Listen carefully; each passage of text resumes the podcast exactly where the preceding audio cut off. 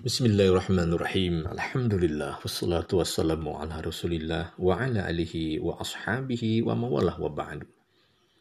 Sahabat-sahabat sekalian, alhamdulillah kita kembali bersua melalui serial edukasi Khairu Ummah. Episode kali ini kita akan berbicara tentang gaih surga dengan menjaga lisan. Sepertinya sudah menjadi fitrah manusia untuk suka berbicara. Lihatlah, bayi yang baru sebulan lahir, ia sudah belajar mengoceh dan merespon sapaan dari orang-orang di sekitarnya. Semakin besar, ia semakin pintar berbicara. Setelah dewasa, mungkin ia mulai pilih-pilih bicara. Namun pada keluarga, sahabat dekat, dan orang-orang yang dipercaya, tentu normalnya orang akan betah berbicara panjang lebar. Berarti tak salah dong jika kita suka bicara karena sudah fitrah. Sahabat sekalian, jawaban kita adalah bahwa masalahnya bukan pada suka bicara atau tidak. Tapi apa? Ketepatan menilai tentang waktu yang tepat untuk berbicara dan isi pembicaraan. Idealnya para ulama, para psikolog, para pendidik e, menganjurkan kepada kita bagaimana orang tidak asal bicara alias tidak asal bunyi, disingkat asbun. Ya seharusnya memikirkan betul ya, apa sih yang mau dikatakan? Apakah ini penting atau tidak? Apakah membawa manfaat atau madarat? Untuk sekarang atau lain kali waktu. Memang tidak mudah sahabat. Apalagi adanya pengaruh lingkungan yang dapat membuat kita melakukan penyimpangan lisan alias afatul lisan. Coba kita bayangkan sahabat. Saat ibu-ibu bertemu di pengajian, arisan atau acara sejenisnya, apa yang dibicarakan?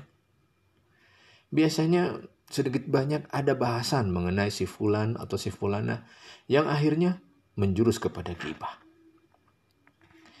Terkadang kita juga terpancing dengan berita di televisi Pembahasan mengenai korupsi seperti melegalkan kita untuk memaki dan mencaci orang yang dianggap sebagai tersangka. Ulasan tentang suatu hal diterima mentah-mentah dan jadikan amunisi untuk berkomentar, membela, atau mencerca pihak-pihak terkait. Padahal, sahabat sekalian, berita itu belum tentu benar adanya. Tengoklah acara infotainment yang menyejukkan gosip-gosip terbaru dan mengupas habis permasalahan artis justru menjadi acara yang cukup diminati. Terbukti dengan rate yang tinggi dan tayakan iklan yang bejibun. Padahal acara ini sahabat-sahabat tak beda dengan aktivitas bergunjing yang sangat dilarang dalam Islam. Saking menjijikan, saking menjikannya sahabat-sahabat, gibah itu diibaratkan oleh Rasul Shallallahu Alaihi Wasallam seperti memakai memakan bangkai saudara. Dunia maya, sahabat sekalian, tak kalah ramainya. Di dunia jejaring sosial, contohnya Twitter, itu menjadi forum berbincang dengan peserta luar biasa banyaknya. Bayangkan sahabat, jika sebuah akun memiliki ratusan ribu follower, sekali ia membuat rangkaian status. Biasa kan disebut dengan kuliah Twitter atau cool tweet, semua follower bisa membacanya. Dalam waktu singkat topik itu bisa dibahas banyak orang, dibantah, ditulang, ditulis ulang, retweet, dan menyebar ke seantero jagat. Di sisi lain, kita juga temui Facebook. Di dalam Facebook contohnya, banyak status-status galau ya, yang penuh dengan keluhan, ratapan, kemarahan, bahkan cacian.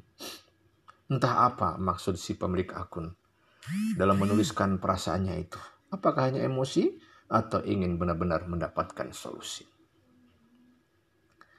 Sahabat sekalian, maka kita ingatkan siapa pun di antara kita yang menjadi pengguna jejaring sosial, tolong berpikirlah lebih panjang sebelum menuliskan sesuatu atau meneruskan sebuah berita.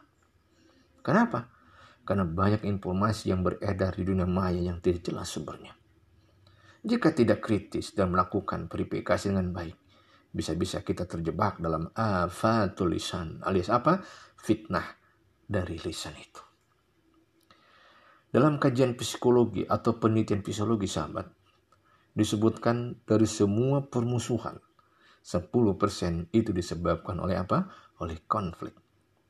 Sedangkan kesalahpahaman dalam berbicara 90 persennya disebabkan karena intonasi. Kebanyakan orang sakit hati karena intonasi, volume, tekanan suara, bahkan bahasa tubuh. It's how you said it, not about what you said. Sahabat sekalian, apa dampak kalau orang tidak bisa menjaga lisan? Tentu banyak sekali dampak negatif yang lahir dari yang disebabkan oleh lisan yang tidak terjaga. Salah satunya adalah kelompok termasuk dalam kelompok orang munafik. Sebagaimana sabda Rasul Shallallahu alaihi wasallam, tanda orang-orang munafik itu ada tiga.